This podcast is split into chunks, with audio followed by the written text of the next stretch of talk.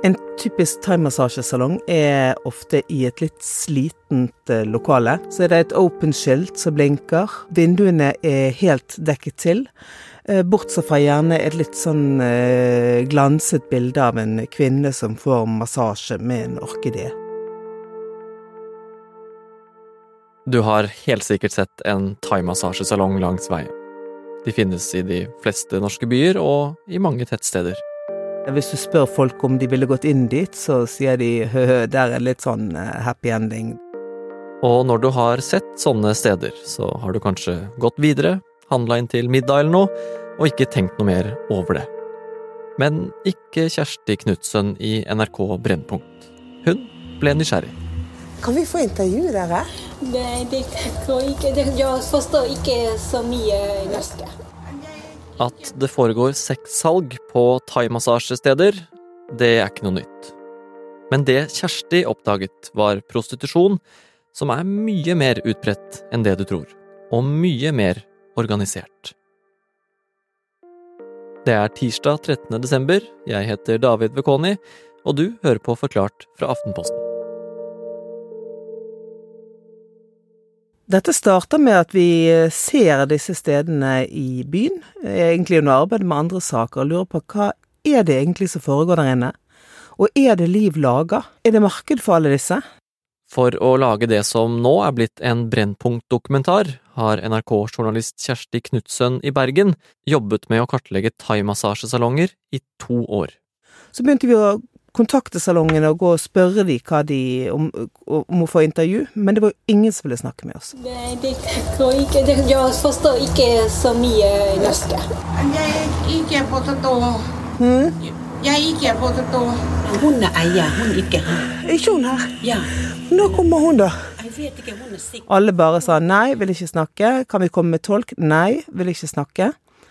Og da tenkte vi at her er et eller annet som ikke helt stemmer.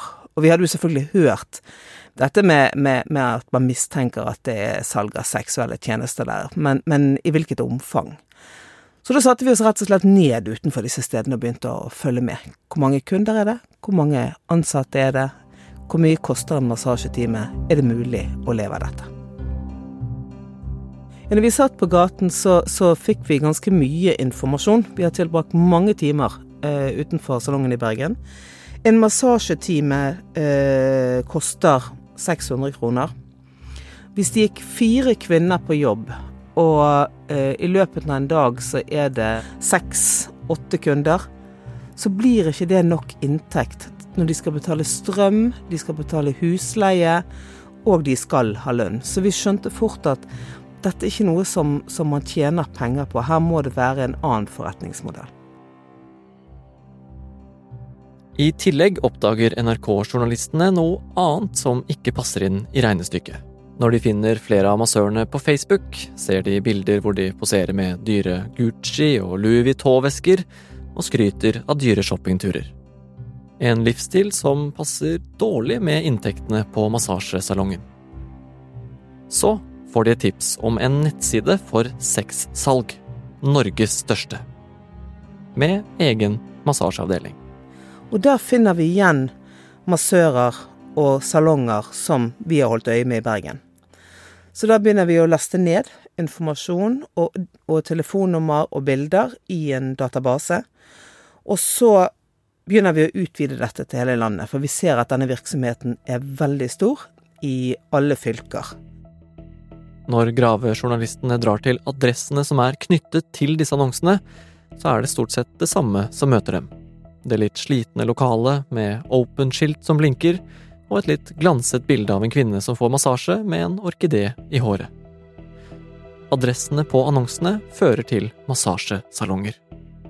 Mange av disse annonsene så står det 'no sex' de eh, oppe, men når du går Bildene er helt avkledd. De levner ingen tvil om at det er seksuelle tjenester.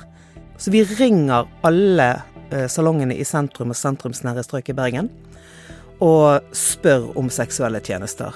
Eh, på den måten så får vi tilbud om sex ved veldig mange steder, eller så blir det sagt 'kom og snakk om det', så tar vi og diskuterer det i salongen. Do you do more than massage? Yes, darling. You lick me, I lick you, I suck you, like a blowjob without. out, it's okay. Så var det noen vi der fikk litt uklare svar av, så da tok vi og eh, gikk inn med skjult kamera for å se hva som skjedde da. Og da var det helt eksplisitt. Eh, da begynte man å diskutere liksom, hvilke ulike typer, og full pakke og samleie. Eh, så, og så kom vi oss på en måte ut igjen. Vi, vi gikk aldri lenger enn at vi sto i resepsjonen og spurte. Det var vi egentlig enige om at vi skulle ikke opp den benken. Kan du si noe om hvor mye jeg trenger å ta med? 3000. 3000? Ja. Men hva, har dere, hva får dere full pakke, liksom? Nå. Så hente penger. Henta penger, kom tilbake. Ok. Ja. Når vi da summerte opp, så hadde vi fått tilbud om sex, eller blitt bedt om å snakke om det i salongen ved 75% av salongene i Bergen. Så tre fjerdedeler av alle thaimassasjesalongene i Bergen solgte sex. Det høres jo veldig mye ut. Er det spesielt for Bergen? Nei, det er ikke spesielt for Bergen. Eh, det er en svær undersøkelse som er gjort om, angående prostitusjon i Norden, som er gjort av svensk politi. Den er ikke publisert ennå, men vi har hatt eh, samtaler med de. Og de ser at 80% av salongene i Sverige tilbyr eh, seksuelle tjenester. Og vi har jo også snakket med politikilder i Norge, vi har også snakket med Bymisjonen. Det er ingen av de som er overrasket over tallet 75% Er dette lov i Norge? Å selge sex er lov. Eh, disse kvinnene som selger sex, gjør ingenting ulovlig. Men å kjøpe sex, det er ulovlig. Den eh, salongeieren som får inn jenter og tilrettelegger for at de selger sex, og som da tjener penger på det, altså hallikvirksomhet, det er ulovlig ifølge norsk lov. Og så får Kjersti og kollegene seg en overraskelse. Det vi oppdager, det er at eh, sexannonsene og telefonnummerne flytter på seg. Og da lurer vi veldig på hva kan dette være?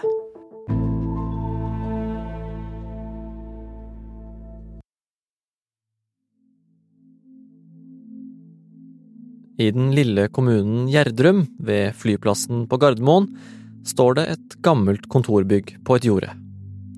Og på denne adressen har Kjersti funnet noe. Det er et veldig sånn grått, gammelt 80-talls kontorbygg. Stort. Det har åpenbart hu- huset en eller annen større bedrift, og det er slitent. Det er markiser som henger litt på halv åtte i andre etasje og tredje etasje. Eh, så er det på hjørnet et eh, thaimassasjeskilt, og så blinker det 'open'. Så det ser veldig slitent ut. Og da er det vi lurer på hva som foregår i den andre etasjen, som er enormt stor. Etter funnene i Bergen har Kjersti fulgt flere av sexannonsene til dette slitne kontorbygget i Gjerdrum. 50 annonser er knyttet til den store andre etasjen. Når vi går inn, så ser vi at det er jo gamle kontorlokaler. Det er sånne gamle cellekontor bort igjennom som er innredet som eh, massasjerom. Og da skjønner vi jo egentlig at dette er en del av et system der eh, kvinner reiser fra sted til sted og selger sex. Så det er jo rett og slett eh, for å få kunder. Og det ser vi også av annonsen, at det er veldig viktig at de skriver 'ny jente i byen', 'ny jente i byen'. Ja, hvordan fungerer det? De reiser til ulike salonger, og da leier man seg en seng. Eh, kan være der en uke, kan være der en dag, kan være der to dager. Eh, og så reiser man videre til neste sted. Og dette er de vanlige salonger drevet av salongeier som tar inn jenter og sender de videre. Eh, så denne salongeieren fungerer jo da i praksis som en eh, hallik som tilrettelegger for sexsalg i sin salong. Og hallikvirksomhet er straffbart. Hva sier de som driver disse stedene til den anklagen der, da? Eh, De benekter at det skjer. Benekter at de har kvinner i arbeid. Eh, Skjønner ikke hva vi snakker om. Når man konfronterer de med ganske direkte med hva man har sett, så er det bare nei, nei, nei, eller jo, kanskje bare litt. Har dere noe mer enn massasje? Ja, men vi kan snakke hvis du kommer her, sant? Ok. Selv om det selges sex på salongene som Brennpunkt har kartlagt, så har flere av salongeierne og utleierne kontrakter som forbyr akkurat det. Den kan være reell, men i noen steder er den helt proforma. Det er for å skape en avstand mellom salongeier og den ansatte hvis myndighetene kommer på kontroll. Det gjelder også litt i forhold til pengefordelingen. Hvis man selger seksuelle tjenester i en sånn salong, så beholder eh, massøren pengene for den seksuelle tjenesten, mens salongeier får det som skulle vært for massasje, og slår det inn i kassen, og da ser det helt rent ut. Så ifølge Kjersti og kollegenes kartlegging kan så mange som 75-80% av thaimassasjesalongene i Norge drive med sexsalg. Men hva med de som ikke gjør det? De som bare vil massere stive skuldre og rygger, uten tilleggstjenester. For flere av dem NRK har snakket med, blir ikke stigmaet om happy ending noe lettere å håndtere av at så mange steder faktisk selger sex. De får inn kunder som forventer og forlanger å få seksuelle tjenester, selv om disse stedene gjør det de kan for å si at det er ikke det vi tilbyr. Og hvis de da nekter, så blir de enten slått ned, eller de blir skjelt ut, truet, uh, urinering i salongen det er liksom en virksomhet som, som blir eh, så eh, utsatt av at resten av bransjen driver på den måten den gjør. For thaimassasje har lange tradisjoner og er, er et skikkelig yrke. Eh, men det bare utvannes av denne gråsonen som bare overtar totalt. Men de kvinnene som dere har snakket med, da, som selger sex, hva forteller de om hvordan de har havnet i dette miljøet? Dette er norske statsborgere eller kvinner som er kommet hit på familiegjenforening. Det er kvinner som har akkurat de samme rettighetene som uh, meg og deg i uh, dette samfunnet. De har barn her. Uh, en del har barn på skole her. De har kommet hit gjennom ekteskap og aldri med tanke egentlig på å prostituere seg.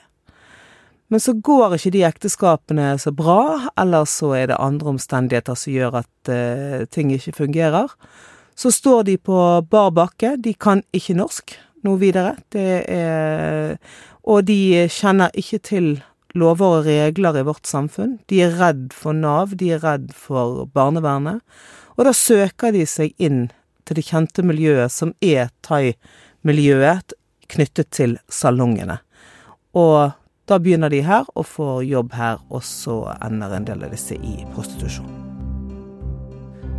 Den manglende integreringen inn i det norske samfunnet er én av spesielt to grunner til at kvinnene som Kjersti har snakket med, ender opp som sexarbeidere. Den andre er gjeld. Gjeld fra private lån til å starte egne salonger, og gjeld fra gambling.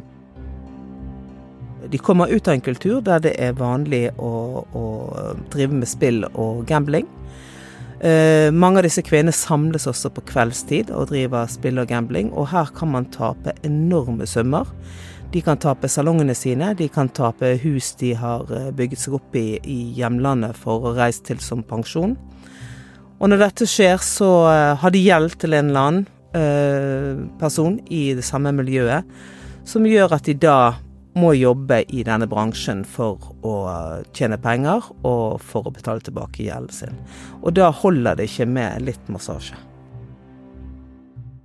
Ofte når man snakker om eh, prostitusjon og, og sexsalg, så er det jo et ord som kommer opp, og det er menneskehandel.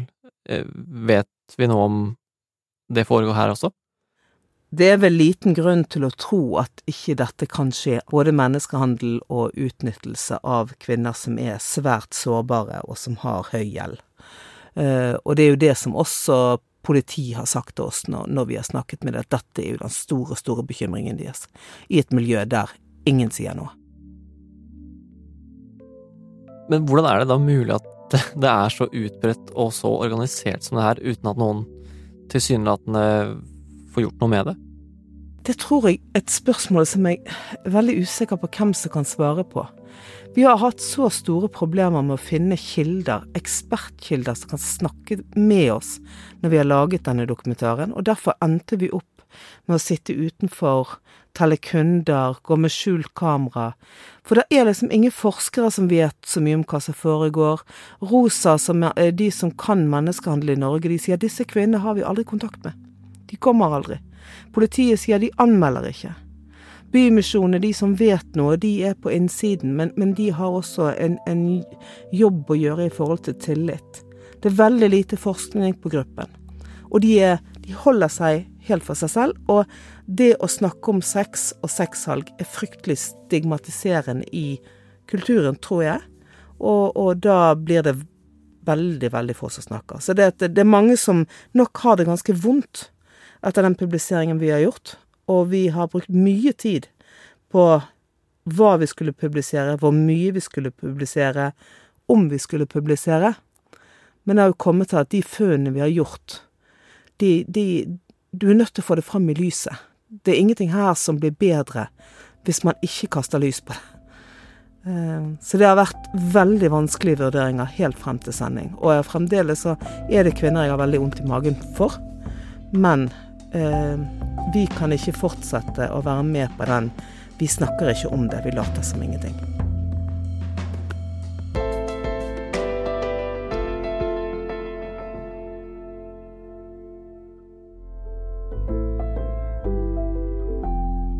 Du har hørt en podkast fra Aftenposten. Det var Kjersti Knutsen fra NRK som fortalte om Brennpunkts avsløringer om massasjebransjen. Lyden du har hørt, er fra NRK. Det er produsent Synne Søhol og jeg, David Vekoni, som har laget denne episoden. Og resten av Forklart er Anne Lindholm, Jenny Førland, Anders Weberg, Marit Eriksdatter Gjelland og Fride Næss Nonstad. Takk for at du hørte på.